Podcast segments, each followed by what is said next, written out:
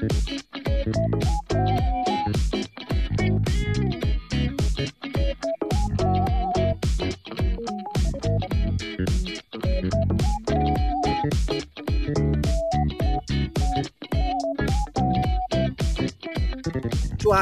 mendung karena hujan atau kabut asap nih?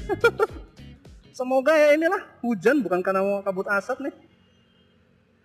Uh, karena ya udahlah gak enak halo semuanya kembali lagi dalam podcast baru niat segala niat ya kecuali niat buruk karena segala hal dimulai dari niat meskipun kata Bang Napi tidak hanya niat tapi juga ada kesempatan. Tapi pada akhirnya niat yang menentukan. Oke, itu intro panjangnya. Ini ada kembali lagi sama gua Santoso di episode dari motor ke 36. Kalau 30 episode 35 kemarin kita ngomongin soal ini ya melatih otak tapi dengan bahasa Inggris. Jadi bagi yang suka ma yang masuk yang pengen mendengarkan bahasa Inggris yang buruk, bad English, silakan mendengarkan. Tapi kalau yang nggak suka dan memang yang nggak mau ngedengerin bahasa Inggris Inggris yang broken ya gue usah dengerin nggak apa-apa itu cuman latihan gue untuk ngomong bahasa Inggris seperti biasa di episode 36 ini sebetulnya ada dua tema sih yang mau gue bicarakan nih selama perjalanan gue dari kantor menuju kosan yang pertama ngomongin soal kondisi terkini Kota Pontianak. Jadi Kota Pontianak ini baru ya dari minggu lalu lah mulai kembali dilanda kabut asap. Akhirnya loh. Setelah tahun lalu Pontianak tuh bebas dari kabut asap, kebakaran lahan. Ya mungkin karena Covid-19 kan yang menyebabkan uh, pelaku pembakaran tidak melaksanakan uh, niatnya untuk membakar dan juga emang tahun lalu memang curah hujannya lebih padat. Maksudnya uh, pendek waktu di mana uh, jarang hujan terjadi gitu. Jadi emang tahun lalu kayak sepanjang tahun tuh hujan terus. Nah tahun ini lebih tepatnya bulan Februari ini memang sudah sekitar dua mingguan nggak hujan deras sih dan, dan lebat yang menyebabkan uh, mulai banyak kembali orang-orang uh, yang membakar lahan. Salah satu lahan gambut. Seperti yang gue ceritain kemarin di apa di episode gambut yang namanya gambut itu sekali kebakar susah untuk dimatikan. Jadi ya semoga aja nih dengan kondisi langit yang gelap ini hujan turun dengan deras sehingga ya minimal titik-titik api di lahan gambut itu berkurang atau sekalian sampai sampai mati lah gitu. Jangan sampai terjadi kembali seperti tahun 2019 di mana gelap banget sampai-sampai ya matahari tuh apa ya cuman kayak sembunyi-sembunyi gitu cahayanya di ketutupan sama ketutupan sama kabut asap gitu ya semoga yang tahun ini sudah nggak terjadi dan yang nggak terjadi lah dan cepet cepet kembali hujan deras kembali hujan dan mematikan titik-titik api di lahan gambut. Yaitu uh, tentang kabar terkini soal gambut. Uh, kayaknya sih polisi dan pihak-pihak terkait sih sudah mencoba udah udah turun lah ya dalam langkah menghentikan.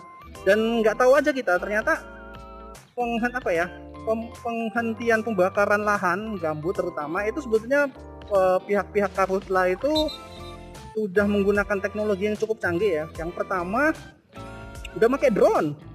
Jadi mantaunya itu sudah lewat ini sudah menggunakan alat gitu kan. Jadi langsung kelihatan langsung muka si pelaku pembakar dan kerekam gitu kan. Jadi setelah diketahui orangnya terus langsung di ya disusu, disusuri lah gitu disisir daerahnya dan ditangkap itu pelakunya gitu lalu juga menggunakan teknologi pindai panas bumi nah, itu juga dipakai kalau nggak salah kerjasama dengan BMKG itu juga sudah menggunakan teknologi tersebut untuk memetakan titik-titik api yang ada di kota Pontianak dan sekitarnya gitu. Jadi lebih ter apa ya terarah gitu eh, strategi pemadaman apinya gitu. Itu soal kabut. ya nggak enaknya ya itu kalau setiap pagi itu uh, harus mencium bau asap dan di mana itu membuat jemuran-jemuran di rumah itu jadi bau asap pak. Ya itu apa? Banyak baju yang dijemur tuh jadinya bau asap gitu kan. Apalagi kalau misalnya baju lipatan baju nggak dimasukin langsung dalam lemari ditaruh di luar di ruang tengah atau di ruang lipat baju jadinya kebauan asap juga gitu bahkan kondisi yang lebih ekstrim kayak senior gua di daerah pinggir kota Pontianak itu tahun tahun 2019 kemarin sih semoga tahun ini nggak juga itu sampai abunya itu turun ke ke tanah gitu. Jadi setiap pagi itu dia harus membersihkan halaman beserta ya mobilnya gitu harus dibersihin gitu dari itu kabut asapnya abu asap tersebut. Ya semoga tahun ini nggak sampai sini lah nggak sampai separah itu jangan sampai inilah jangan sampai terulang kembali. Padahal kan kita sudah tahu kan penyebabnya apa. Jangan sampai kita hanya bisa pasrah gitu dalam menangani kebakaran lahan tersebut. Dan sepertinya mau hujan nih. Oke itu update singkat soal lahan gambut. Sebetulnya mau bikin full gambut juga agak sulit karena ya apa full kebakaran lahan juga sudah sudah kemarin dibahas soal gambutnya. Jadi kita double aja episode kali ini dan kita akan satu lagi ngebahas soal polisi tidur. Ini polisi tidur lebih di, lebih tepatnya karena pengalaman tadi pagi sih. Jadi ada satu jalan ruas jalan jalan umum, jalan negara kayaknya tuh jalan negara. Itu dipasang posisi tidur.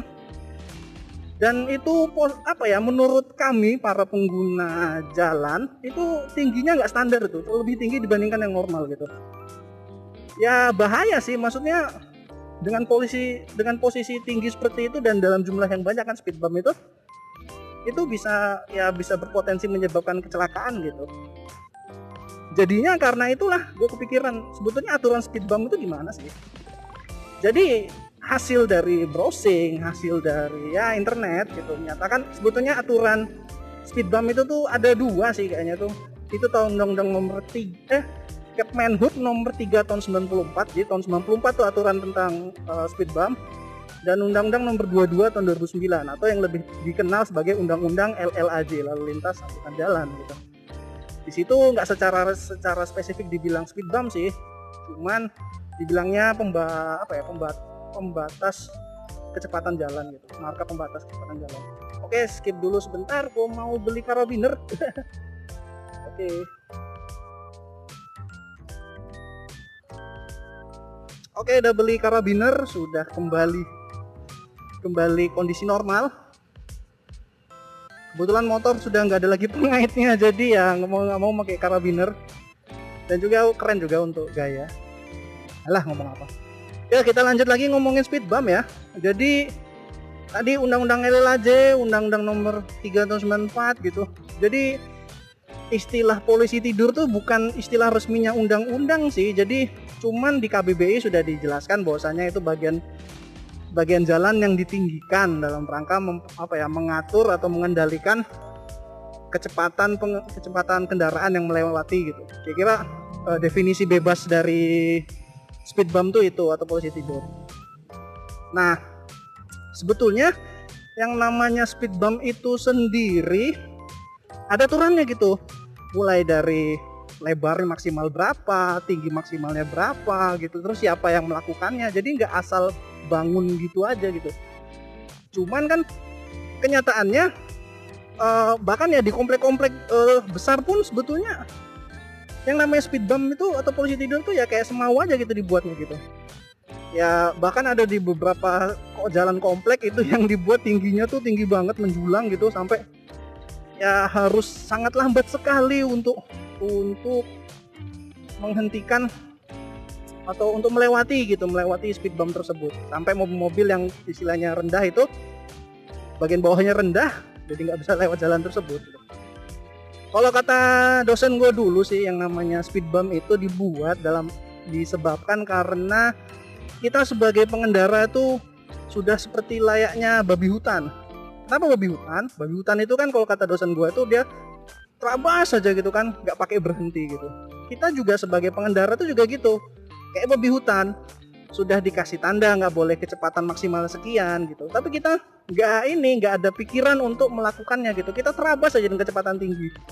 Itulah kenapa dibuatlah yang namanya speed bump gitu. Apalagi di komplek kan komplek itu kan ya kalau malam kan kalau dengan kecepatan tinggi kan bising gitu kan. Dan mereka nggak mau bising ditulis pelan-pelan banyak anak-anak juga nggak nggak ngaruh gitu. Ya mau nggak mau karena kita kelakuannya seperti babi hutan ya dipasanglah speed bump. Kira-kira gitu. Cuman apakah masyarakat boleh yang namanya membuat speed bump?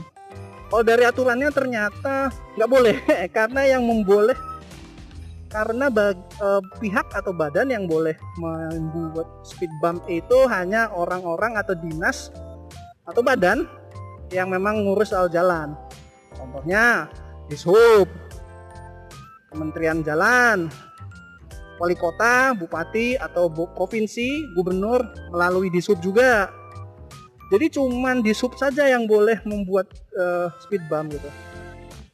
Jadi sebetulnya masyarakat kalau mau dibilang mau bikin speed bump untuk jalan gangnya sendiri tuh secara aturan nggak boleh gitu dan bisa dipersalahkan gitu cuman ya kalau sudah menjadi keputusan bersama sepertinya sih nggak akan menjadi nggak dipermasalahkan sih nggak akan jadi masalah gitu.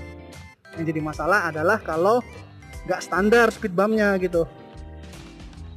Speed bump itu kan harusnya dibuat dari apa ya material yang sama dengan jalan atau karet. Tapi kan banyak tuh yang speed bumpnya dibuat hanya dari balok kayu gitu kan yang bentuknya tuh apa ya ya sangat vertikal gitu kan nggak dibuat ada landai-landainya gitu. Jadi bahaya sekali itu itu yang membuat kecelakaan tuh sungguh seperti itu. Speed bump speed bump yang tidak standar. Baik dari bahan baik dari tinggi maupun baik dari landainya. Pokoknya kalau di aturan itu sebetulnya sudah diatur deh. Karena gimana ya? Yang namanya speed bump itu itu kan mengganggu uh, memperlambat kita sebagai pengendara. Itu juga berbahaya. Maksudnya kalau tidak diukur standarnya malah menyebabkan kecelakaan gitu. Makanya kalau lu lihat speed bump yang tinggi banget itu salah itu. Dan sebetulnya kalau lo mau ya nuntut sampai pe nuntut soal speed bump tersebut bisa-bisa aja sih. Jadi sekali lagi yang namanya speed bump itu ada aturannya ada standarnya bahannya juga bagi apa itu sudah diatur jadi nggak bisa semua maunya nih. Jadi kalau yang ke depan yang ke depan mungkin ada yang mau rapat RT terus mau ada rencana bikin speed bump polisi tidur ya disarankan gitu sampaikan kalau misalnya ada aturan gini loh pak. Seperti itu. Oh iya speed bump itu tuh gue baru tahu speed bump itu ada tiga jenis loh. Ada tiga jenis speed bump. Tiga jenis polisi tidur. Pertama speed bump itu sendiri. Yang kedua tuh speed hum. Punuk punuk hum.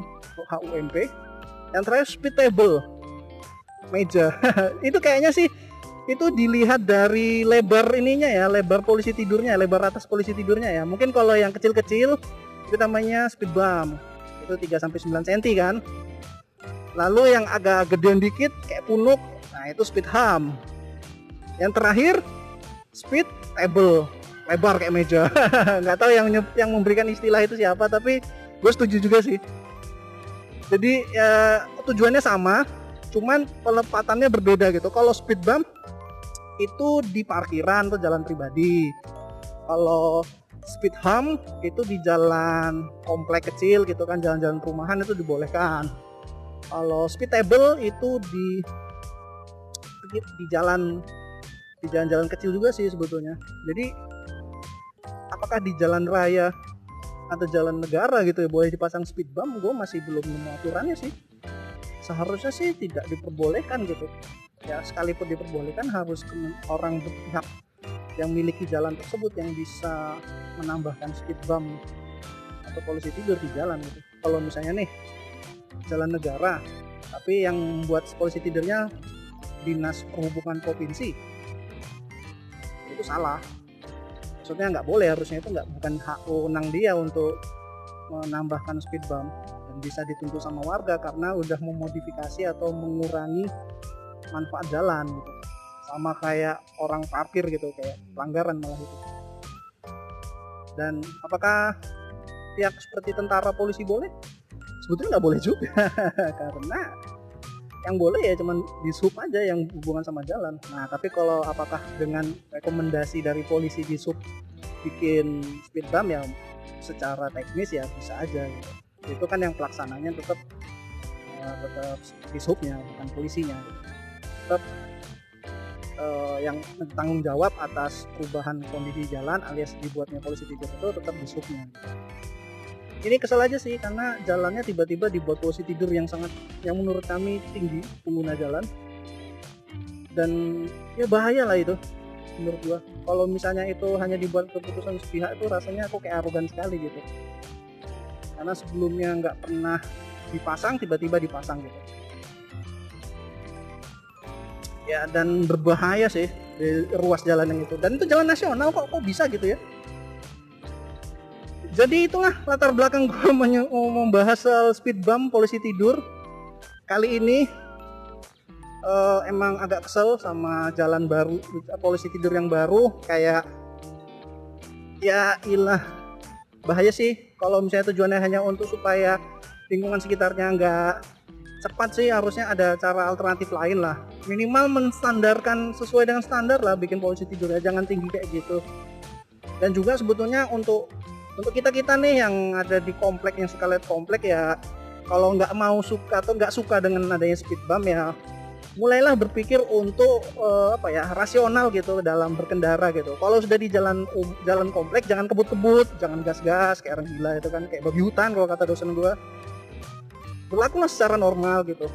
Kalau sudah normal kan mungkin nggak perlu polisi tidur pun kita sudah berjalan pelan gitu. Masa harus ada pos pos apa pos TNI dulu baru kita mau pelan gitu.